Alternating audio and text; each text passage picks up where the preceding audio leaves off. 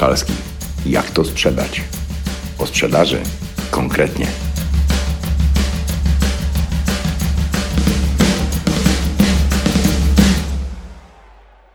A miało być tak pięknie. W pierwszej wersji ja miałem zaśpiewać ten fragment, ale po przesłuchaniu kilku prób zdecydowaliśmy się na oryginał. To będzie chyba smutny podcast, ale tylko w pierwszej części. Posłuchaj, a jeśli się zdenerwujesz, słuchając, to bardzo dobrze. W treningach, które prowadzę, udział biorą handlowcy, sprzedawcy, przedstawiciele handlowi, dyrektorzy, właściciele firm, prezesi. Teoretycznie to zupełnie różni ludzie i oczywiście każdy z innej parafii, to znaczy z innej branży. Od maszyn rolniczych przez skomplikowane techniki inżynieryjne, meble, odzież roboczą, nieruchomości i oczywiście specjaliści do spraw marketingu. Tak, tych jest najwięcej. W zasadzie nie było chyba branży, której by ktoś nie reprezentował. To ciekawe. Z jednej strony to zupełnie różni ludzie, jednak okazuje się, że problemy, z jakimi się mierzą, w zasadzie są identyczne. Różna jest tylko skala działania przedstawiciela handlowego w stosunku do prezesa fabryki zatrudniającej 200 osób. W zasadzie każdy ma takie same problemy, które y, warto nazywać zadaniem. Jak mają klientów, to nie takich, jakby chcieli. Jak mają transakcje, to nie takie, jakby chcieli. Jak sprzedają, to nie w tych cenach, jakie być powinny. Jak nie sprzedają, to by chcieli. Wszyscy chcą więcej i pragną, aby efekty były inne niż są. Klienci ich nie rozumieją, a konkurencja czai się, aby tylko podebrać klienta lub chociażby zaoferować coś taniej. Jak przychodzą zapytania ofertowe, to najczęściej hmm, gówno z nich wynika. Lub trzeba zejść z ceny, aby być prawie najtańszym. Jak coś na początku wygląda dobrze, to okazuje się, że w trakcie negocjacji robi się średnie. Zawsze jest coś, co przeszkadza, co wkurza, co powinno w sumie być inne, a nie jest. Dobrze. Smutna część tego podcastu właśnie się zaczyna. Posłuchaj, wkurzę cię teraz. Jeśli potrzebujesz, weź sobie chusteczki. Przytulić cię nie mam jak. Jeśli w jakimś stopniu problemy, które wymieniłem, dotyczą też ciebie, powiem wprost. Jesteś autorem wszystkich problemów, z którymi się dzielnie mierzysz. Gdybyśmy byli na sali sądowej, usłyszałbyś wyrok. Winny wszystkim zarzucanym czynom. Za mało klientów? Winny. Za mało transakcji? Winny. Klienci nie wracają? Winny. Nie taka rentowność sprzedaży? Winny. Masz słabych handlowców jako szef? Jesteś temu winny. Jesteś słabym handlowcem? Tak, to twoja wina. Nie masz takich klientów, których chciałbyś mieć? Winny. Możesz sobie dołożyć kilka kolejnych zarzutów i za każdym razem uznaje cię winnym. Wyrok skazuje cię na ciągłe narzekanie, marudzenie, skazuje na ciężką pracę, stres i nerwy i zwalanie winy na rynek, konkurencję, koniunkturę i oczywiście klientów, że dziwni są, jacyś nielojalni, wymagający, roszczeniowi i zawsze chcą coś, czego nie masz. Takie większe z przodu, mniejsze z tyłu. A konkurencja to ma oczywiście i to taniej. Winni są zawsze inni. Nie, to ty jesteś winny. Tak, na to cię skazuje. Skazuje cię też na ciągły brak środków na inwestycje, na premie dla współpracowników, na cięcie kosztów i na wydatki marketingowe, które rzadko kiedy przekładają się na zysk. Skazuje cię na notoryczny brak dobrych ludzi, zaangażowanych handlowców. Skazuje cię też na to, że twoja praca polegać będzie na robieniu tego, co konieczne, zamiast tego, co ważne.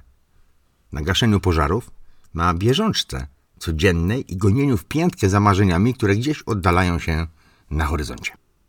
Tak, na to cię skazuję. Chociaż nie ja. Sam się na to skazujesz. Posłuchaj. W życiu nie dostaniesz tego, na co zasługujesz. Będziesz mieć tylko to, co sam wykreujesz, wymyślisz, stworzysz, wynegocjujesz i sprzedasz. Tylko na to możesz liczyć i na nic więcej. No, w życiu prywatnym czasami zdarzy się wyjątek od tej reguły. W biznesie nie. Nigdy. W biznesie nie ma wyjątków. Prowadząc własny biznes lub pracując w sprzedaży, jakkolwiek rozumianej, wszystko jest przeciwko tobie. Wszystko, co możesz sobie wyobrazić. Wszystko wokół chce twojej porażki, krzywdy i to wszystko stara się bardzo, abyś poległ. Wszystko nie sprzyja twojemu sukcesowi. Wszystko jest przeciwne. Klienci nie przychodzą sami. No, nie ma ich. A jeśli jacyś się trafią, chcą kupić taniej. A ty przecież potrzebujesz generować zysk i już cię to wkurza. Przecież nie jesteś też sam na swoim rynku. Z reguły jest kilkunastu robiących to samo, którzy też chcą sprzedawać. I zrobią wszystko, abyś ty nie miał klientów. Możesz się z nimi nawet spotykać na targach, imprezach branżowych, popić sobie kawkę, pożartować, zjeść ciastko, ale jak staniecie w przetargu do tego samego klienta, każdy zrobi wszystko, co potrafi, abyś kontraktu nie dostał ty. I nikt nie zapłacze. Zrobią to bez skrupułów, dbając tylko i wyłącznie o swój interes. Klienci, których masz, też nie są przypięci łańcuchem do ciebie. Nawet jeśli ich masz, konkurencja zrobi wszystko, abyś ich nie miał, bo też chce ich mieć. Poza tym ci klienci co chwila chcą czegoś więcej i pewnie taniej. Hm, są roszczeniowi, są wymagający cholera. Konkurencja będzie zabierać ci klientów, jeśli tylko na to pozwolisz. I to, co zbudowałeś z trudem, może szybciej niż ci się wydaje zniknąć. Jeśli jesteś handlowcem, sprawa jest o wiele prostsza. Przeciwników chcących twojej zguby masz w sumie niewielu. To tylko konkurencja i klienci. Jeśli widzisz w nich dawców budżetu, jeśli widzisz klientów właśnie. A natomiast prowadząc firmę, małą, dużą, bez znaczenia, przeciwników masz znacznie więcej. Wiadomo, przyjazny i pomocny oraz wyrozumiały urząd skarbowy zawsze ci pomoże, jeśli masz jakikolwiek problem. ZUS? Hm, jak partner pomaga w prowadzeniu firmy. Wspomaga cię na każdym kroku, a przepisy? Stabilne, jasne, przejrzyste, proste i uczciwe. Kodeks pracy jest wręcz stworzony z myślą o Twoim spokoju.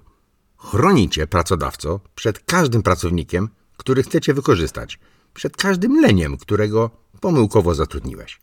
Poza tym, to uczciwe jest, że płacąc składki, wszystkie możliwe, większą część zasiłku chorobowego pokrywasz ty. Podatek dochodowy jest jak gwiazdka z nieba. Po prostu czekasz na ten dzień, kiedy z radością oddasz dobrowolnie część tak ciężko wypracowanego zysku i nie traktujesz tego jako kary za sukces. Tylko z chęcią płacisz, rozumiejąc, że dzięki temu państwo jest tak pomocne i przyjazne. A na deser, za jakby dobre sprawowanie, otrzymujesz coś wyjątkowego. Coś specjalnie dla ciebie, pracodawco. Oczekiwany latami prezent. To ład. Jaki? No nasz, polski. To idealna nazwa tego, w czym żyjesz, pracujesz. Metaforycznie nazwana Polski Ład. Tak, to wszystko jest przeciwko tobie i każdy wręcz czyha na ciebie. I co teraz zrobisz? Aha, doprecyzuję jeszcze. Jeśli pomyślisz o pozyskaniu nowego klienta, inni pomyślą dokładnie to samo. Jeśli pomyślisz o pozyskaniu nowego klienta, zapewniam, że klient ten albo to już ma, albo nie chce Twojego produktu lub usługi. No to tak na dobry początek. Tak dokładnie wygląda świat, w jakim działasz, jako właściciel lub jako handlowiec. I to jest właśnie biznes. I nie płacz, że jest ciężko, nikt cię nie przytuli. Nikt zresztą nie obiecywał, że będzie łatwo i przyjemnie. Być może sam to sobie obiecałeś. Wyobraziłeś sobie piękny świat. Jako handlowiec myślałeś, że pojedziesz, porozmawiasz, zbudujesz relacje, będzie miło i klienci będą zamawiać w cenach takich, jakich chcesz. Wyślesz ofertę, a natychmiast zadzwonią, podziękują, poproszą o dostawę. Ba, nawet spytają, czy mogą zapłacić przed realizacją, no, żebyś mógł się poczuć pewniej, prawda? Zbudowałeś stronę internetową, wyjątkową, plus jesteś w Google, kampanie na, face, na fejsie latają i telefony urywają się same od zniecierpliwionych klientów, którzy czekają tylko, kiedy będą mogli oddać ci swoje pieniądze. A ty tak to sobie zorganizowałeś, że siedzisz na Malediwach, a twój biznes kręci się sam. E, dobre, co? Wystarczy, wiesz, tylko zarejestrować spółkę, bądź działalność i zacząć. Reszta to już formalność. No, może jeszcze wystarczy popatrzeć, jak robią to inni, wysłuchać kilku mądrych rad i bęc. Dalej już z górki. Powtórzę raz jeszcze. W życiu nie dostaniesz tego, na co zasługujesz. Będziesz mieć tylko to, co sam wykreujesz, wymyślisz, stworzysz wynegocjujesz i sprzedasz. I tylko na to możesz liczyć. Na nic więcej. A wszystko, co wokół ciebie, konkurencja, rynek, prawo, pracownicy, są przeciwko tobie. I co? Smutno brzmi, prawda? Nie. Nie jest to smutne. To takie właśnie jest. I nic w tym dziwnego. Żeby to lepiej zobrazować, użyję takiego twardego porównania. Jeśli chcesz uprawiać sport pod tytułem boks, nie możesz mieć pretensji do przeciwnika w ringu, że on z premedytacją wali cię pięściami po twarzy. No nie miej do niego pretensji. To taki sport. I sam zdecydowałeś się go uprawiać. No dobrze, powiesz, że boks jest brutalny. Okej. Okay. W takim razie lekkoatletyka. Na przykład w biegu na 3000 metrów startuje z reguły około 15 graczy. I tu sensacja, wiesz? Wygrywa tylko jeden. Pracując w sprzedaży, prowadząc biznes, nie miej pretensji do nikogo, że jesteś sam i cały świat jest przeciwko tobie, bo to świat wysokiej konkurencyjności. A konkurencyjność to nic innego jak konkurencyjność, czyli cokolwiek sprzedajesz, konkurujesz setkami innych robiących to samo, chcących dokładnie tego samego co ty. A jedyne co musisz zrobić to być lepszy w tej konkurencji. To tylko tyle i aż tyle. Popatrz teraz jakby z boku na to, co robisz. Popatrz jak zewnętrzny konsultant na swoją firmę, na swoje działania. Popatrz na swoją stronę internetową, na swoje produkty, na usługi, które wykonujesz, na swój marketing, na swoich handlowców, na komunikację, na swoją komunikację. Popatrz na wszystko, co robisz jako handlowiec bądź jako prezes, właściciel. Oceń to, w czym jesteś lepszy od innych. Dlaczego klienci powinni wybierać Ciebie? Oceń, czy czasami nie jesteś zbyt podobny w działaniu do innych konkurujących z Tobą. Bo jeśli będziesz podobny, cena zacznie decydować, a tego przecież nie chcesz. To, że chcesz, jesteś i masz coś do zaoferowania, no to za mało. Setki innych też chcą i są i mają, bądź mogą mieć wszystko to, co ty. To w czym jesteś lepszy? Czy klienci mogą dostrzec różnicę? Jaką wartość faktyczną wnosisz swoim klientom? Czy klienci mogą tę wartość dostrzec? Stań się na moment klientem własnej firmy bądź klientem samego siebie, jeśli jesteś handlowcem, prezesem, dyrektorem. To, co słyszysz, nie jest miłe, ciepłe, fajne i przyjemne. No dobrze, to była smutna część tego podcastu. Smutna, ale nie nieprawdziwa. To wszystko, co usłyszałeś wcześniej, wcale nie musi być smutne. Biznes, sprzedaż, prowadzenie firmy może być ciekawe, dawać satysfakcję, przyjemność. Pod jednym warunkiem, że wiesz, co robić. Jesteś przygotowany i umiesz radzić sobie w tym konkurencyjnym świecie to w sumie nie jest trudne, o ile wiesz, co robić. I w ten smutny sposób rozpoczynamy serię podcastów, w których usłyszysz wskazówki, co robić, aby smutno nie było. Pamiętaj, to tylko wskazówki. Wysłuchanie ich nic nie zmieni, nawet wielokrotne. Liczy się tylko działanie, praktyka i efekty. Czytanie lub słuchanie może być fajne lub niefajne. Najważniejsze to rób, działaj. A czasami posłuchaj, poczytaj i szybko wracaj do działania. Rób i działaj. Ok, aby smutno nie było, zaczniemy od podstaw. Z pewnego punktu widzenia podstawą może być fundament. Obserwowałem kiedyś budowę naszego domu. Szef ekipy budowlanej, majster budowlany, powtarzał w koło. Panie, fundament jest najważniejszy. To co potem, to chuj. Wszystko możesz pan sobie stawiać, co pan chcesz, ale jak fundament będzie do dupy, to wszystko będzie, panie, chuj. Przykro mi, ale dla ostrości przekazu zacytowałem go dosłownie. Jak tu się nie zgodzić? Zacznijmy więc od fundamentu. Doprecyzuję. Nie odnoszę się tutaj do produktów, usług lub czegokolwiek, co sprzedajesz, lub masz taki zamiar. Nie mieszajmy. Ocena konkurencyjności produktu to osobny temat. Zakładam, że wiesz, co sprzedajesz, przemyślałeś to i to coś ma sens. A jeśli jesteś telemarketerem i każą ci wykonywać 100 telefonów dziennie, uciekaj natychmiast. Jeśli masz taką firmę, cholego, zamknij to jutro i daj ludziom żyć. Zaczynamy. Z pewnością wiesz, że powinieneś określić swoją grupę docelową, swojego klienta. Czytałeś o tym i wiesz to, i rozumiesz. Ale czy tak robisz? Dam chwilę na zastanowienie i odpowiedz sobie sam, czy tak robisz? Czy wiesz, kto powinien być Twoim klientem I tego właśnie klienta pozyskujesz. Czy raczej, jak nie ma tego wymarzonego, to bierzemy tego, który jest, bo wiadomo, koszty i mówi się, że lepszy, gorszy klient niż żaden. No, czy aby na pewno? No to jak jest?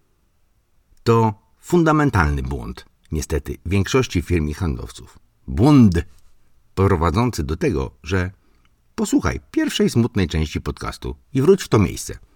Poczekam tu spokojnie. Kilka tygodni temu zakończyłem audyt pewnej firmy. Powiedzmy, y, to firma usługowa. Skala ogólnopolska, rynek określony, klient też. Wszystko przemyślane, teoretycznie, ale w praktyce jest inaczej. Analizując ich sprzedaż, okazuje się, że oferta handlowa skierowana jest do określonego rodzaju klientów. I takich mają kilkunastu. Pozostała część to klienci, którzy nie powinni być ich klientami. Dlaczego w takim razie są? Hmm. Pozyskanie tych najlepszych wymaga skupienia, pracy, umiejętności, koncentracji. I to da efekty, ale o wiele prościej pozyskać mniejszych i nimi zapełnić pracę firmy. Tylko, że ci mniejsi nie dają firmie tego, o czym ta firma marzy. Nie dają wyników. Dają mnóstwo pracy, ale nie wyniki. Ale ci mniejsi są. Przecież każdego klienta trzeba szanować, prawda? Klient jest najważniejszy. To klient przecież. I to jest błąd właśnie. Celowo mówię błąd, żeby podkreślić, że to błąd. Tak, każdego klienta należy szanować, ale nie każdy będzie Twoim klientem. Podam prosty przykład. Idź do hotelu Sheraton jako potencjalny klient i poproś o nocleg za mm, 250 zł. Powiedz, że tyle masz. Jaką informację otrzymasz? Lub wyślij zapytanie do dealera BMW, że chcesz kupić hmm, trzy nowe samochody i przeznaczasz na to budżet 200 tysięcy. Netto, dodajmy. Jaką informację otrzymasz? Właśnie. To jest błąd. Doskonale wiemy, jaką informację otrzymamy, dlatego nikt tego nie zrobi. Ale w przypadku tej firmy usługowej pracownicy w całej Polsce robią to, czego recepcjonistka w Sheratonie nie zrobi. Firma ta skonstruowana jest pod względem kosztów oraz oferty handlowej, no może nie jak Sheraton, ale jak dobry hotel z czterema gwiazdkami. Tak są zbudowani, tak działają i wiedzą o tym, że powinni swoje usługi sprzedawać dla przykładu po 250 zł. Ale skoro nie ma takich klientów, no bo nie przyszli sami, a są tacy, którzy chętnie zapłacą 150 zł, to przecież lepiej mieć takich niż żadnych. I to jest błąd. Fundamentalny błąd. To jest powód smutków. Nie jedyny, ale fundamentalny. Od fundamentu, jak mawiał szef firmy budowlanej. Pamiętasz, jeśli fundament jest do dupy, to wszystko potem jest. O, takie jest. Aby finał nie był smutny, to co należy robić? Przede wszystkim określ naprawdę, kto ma być Twoim klientem. Ale uciekaj ze sfery marzeń. Kto ma być klientem nie może wynikać z Twoich marzeń, tylko z realnej, konkretnej oceny. Kto i dlaczego ma kupować od Ciebie i w jakiej cenie. Planując strategiczne decyzje, przeanalizuj segment rynku, jaki może być zainteresowany Twoimi produktami, usługami. Określ dokładnie w każdym segmencie, jacy to są klienci. Dokładnie. Jeśli współpracujesz z firmami, określ je z nazwy. Jeśli klientem jest konsument, określ go jak najbardziej precyzyjnie w każdym segmencie rynkowym. Przygotuj plan, jak ich pozyskać. Dokładnie tych klientów, których wytypowałeś i określiłeś, wiedząc, ile mają zapłacić za Twoje produkty i usługi. Popatrz, jeśli prowadzisz agencję social media i zaplanowałeś, że chcesz mieć klientów, którzy będą płacić za Twoje usługi, załóżmy 3000 zł miesięcznie, i przemyślałeś, jaką wartość możesz im wnieść, żeby cena nie była problemem, to, to tylko takich klientów poszukuj. Nie innych, tylko dokładnie którzy spełniają te określone Twoje parametry biznesowe. I tylko i wyłącznie skup się na tym, jak ich pozyskać. Nie zastępuj ich innymi, bo smutne wątki z początku podcastu wrócą do Ciebie szybko. Popatrz. Z jakiegoś powodu niektóre marki nie są zainteresowane, aby ich produkty kupowali wszyscy. Tylko dlatego, że są zainteresowani i chcą. Ich klienci, po pierwsze, są zainteresowani. Po drugie, rozumieją wartości marki i korzyści z tego wynikające. Po trzecie, akceptują cenę, i stać ich na zapłatę oczekiwanej ceny. I te trzy warunki mają się spełniać jednocześnie. O, i ci klienci kupują chętnie kawę w Starbucksie, mimo że nie jest najtańsza. Kupują chętnie BMW, choć też nie jest najtańsze. Kupują markową odzież, choć można kupić dobry t-shirt o wiele taniej. Te trzy warunki muszą być spełnione jednocześnie, aby Apple było tym, czym jest. Tak jest z hotelami, restauracjami, samochodami i tak jest też z handlowcami i firmami.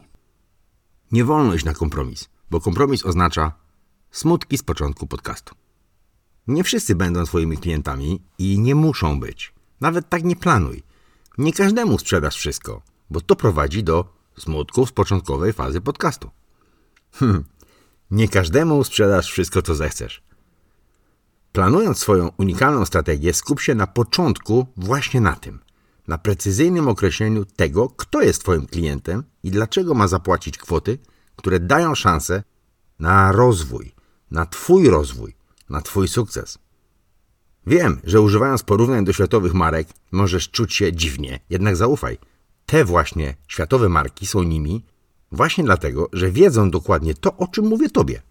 Potrafią stworzyć sobie klienta idealnego, znaleźć go lub wykreować i sprawić, dzięki skutecznej akwizycji i perfekcyjnemu marketingowi, aby chętnie wydał swoje pieniądze właśnie u nich. A czy celem są wszyscy? Nie. I tak naprawdę nikt nawet w ten sposób nie planuje. Bo jeśli będziesz chciał dogodzić wszystkim, nie masz na to szans i smutne historie z początku podcastu wrócą. Dawno, dawno temu, pracując jako przedstawiciel handlowy w pewnej niemieckiej firmie, która zaczynała wtedy inwestycje w Polsce, prezes powiedział do jedynego wtedy handlowca, czyli do mnie: OK, zaczynasz. Potrzebujemy, abyś pozyskiwał klientów i tu na mapie zakreślił krąg obejmujący nasze miasto plus około 30 km wokół. Masz pozyskiwać klientów w tej lokalizacji, z tego kółka i tylko stąd. Klienci mają zatrudniać nie mniej niż 100 pracowników i nie więcej niż 150. I masz im sprzedać jeden z czterech zestawów naszych produktów. W dokładnie takiej a takiej cenie. No, o rabaty już go nie pytałem, bo kiedyś to zrobiłem i wiedziałem, że lepiej nie pytać. Usłyszałem wtedy, że jeśli jesteś handlowcem, to sprzedaj, a po rabaty idź gdzie indziej. No, to był taki zimny chów. Na koniec zadał pytanie. Rozumiesz? Odpowiedziałem. Oczywiście, panie prezesie. I poszedłem, przeklinając, że nie ma jak tego zrobić, bo tak naprawdę nic nie rozumiałem. Zrozumiałem to dopiero, wtedy, kiedy zacząłem przynosić takie właśnie kontrakty, jakie prezes sobie życzył. Bo ten prezes był wybitnym strategiem i wiedział, że nie po to ma handlowca, żeby handlowiec robił to, co chce i to, co mu wychodzi. Handlowca ma się po to, aby robił to, czego potrzebuje firma. Dokładnie to i tylko to. Jeśli jesteś prezesem firmy albo zatrudniasz handlowców, pozwól, że powtórzę to raz jeszcze. Nie po to się ma handlowca, żeby handlowiec robił to, co chce i to, co mu wychodzi. Handlowca ma się po to, aby robił to, czego potrzebuje Twoja firma. Dokładnie to i tylko to. Prezes ten wiedział, czego potrzebuje firma. Właśnie takich kontraktów, nie za dużych i nie za małych, i potrzeba ich nie więcej niż 5 miesięcznie. Jak prezes mówił 5, to nie mogło być 4 i nie mogło być też 6. Jak ma być 5, to ma być 5. Dlaczego? Bo to idealne było wtedy na etapie rozwoju firmy. Na tym etapie rozwoju firmy. Czyli on wiedział, jakich klientów potrzebuje mała wtedy firma, aby mogła się rozwijać zgodnie z planem. To było 25 lat temu. Teraz to korporacja zatrudniająca kilka tysięcy osób w Polsce a klientów cały czas ma takich, jakich chce mieć. Nie wszystkich. Paradoks tej historii polega na tym, że kilkanaście lat później, jako konsultant już, wykonywałem pewien audyt efektywności sprzedaży polskiej firmy. Ciekawostką jest to, że firma ta zajmowała się w zasadzie tym samym, co moja pierwsza niemiecka firma, o której przed chwilą słyszałeś. Gdzie był problem? No właśnie w tym, że nie mając profesjonalnych handlowców, zawierali kontrakty tylko dlatego, żeby moce przerobowe wypełnić i obsługiwali klientów nie tej skali, nie za takie stawki i nie tych, których powinni. I co? I smutno było. A wszystko dlatego, że w codziennej bieżące spraw trudnych akceptowali to, co przynosił los i ich handlowcy. Szli na kompromis. Nie, nie iść na kompromis, bo takie kompromisy prowadzą zawsze do smutków. Kompromis to błąd. Wracając do smutnego wstępu. Oceniając własną firmę lub własne działania jako handlowca, oceniamy efekty, jakie osiągamy. I zgodnie z naszą naturą, jak już sobie ponarzekamy, no tak zaczynamy kombinować, jak poprawić osiągane wyniki. Chcemy więcej, a więc trzeba zwiększyć ilość telefonów, spotkań, ofert. To błąd selekcji. Powtórzę, to błąd selekcji. Polegający na tym, że wyciągamy wnioski na podstawie posiadanych danych, przykład sprzedażowych. I te dane traktujemy jak świętość. A co powinniśmy zrobić? A na przykład zastanowić się nad przyczynami powstania tych danych. Skąd one się biorą? A tu okaże się najczęściej, że no, panie, fundament jest najważniejszy, panie. Wiesz, kto to powiedział?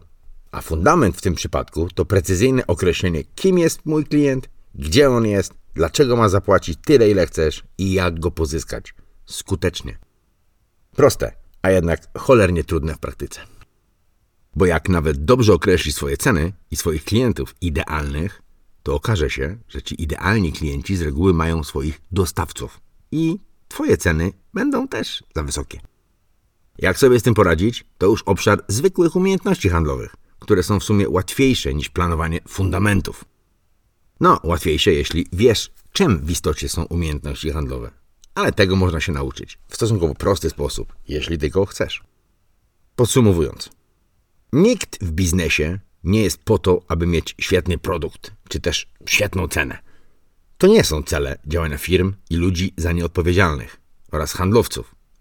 Cele biznesowe zawsze są trzy. Pierwszy to parametry finansowe, czyli skala sprzedaży z właściwą marżą, która ma dać oczekiwany zysk. To jest parametr najważniejszy. Drugi bezpieczeństwo przyszłości. Nie jest sztuką i celem zarobić szybko pieniądze. Sztuka to pozytywnie trwać i rozwijać się bezpiecznie, mając środki na inwestycje, szkolenia, rozwój i na trudne sytuacje, które na pewno się zdarzą. Cel trzeci jakość życia tych, którzy podjęli ryzyko bycia przedsiębiorcą. Aby te trzy elementy mogły się spełnić, potrzebne są umiejętności handlowe, szeroko rozumiane umiejętności pozwalające być lepszym od innych, pozwalające skutecznie konkurować i najważniejsze ze wszystkiego umiejętności, które zapewnią godny i oczekiwany zysk.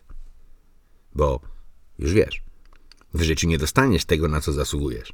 Będziesz mieć tylko to, co sam wykreujesz, wynegocjujesz, wdrożysz i sprzedasz. Zacznij od książki. Zobacz, co jest możliwe. Nie każdemu sprzedasz wszystko, co zechcesz na kalski.pl. A jeśli chcesz więcej, zapraszam na trening. Trening umiejętności handlowych właśnie. Sprzedaż Step One dla tych, którzy chcą więcej. Dla tych, którzy smutnych opowieści z tego podcastu mają dość. Sprawdź terminy na kalski.pl ukośnik trening.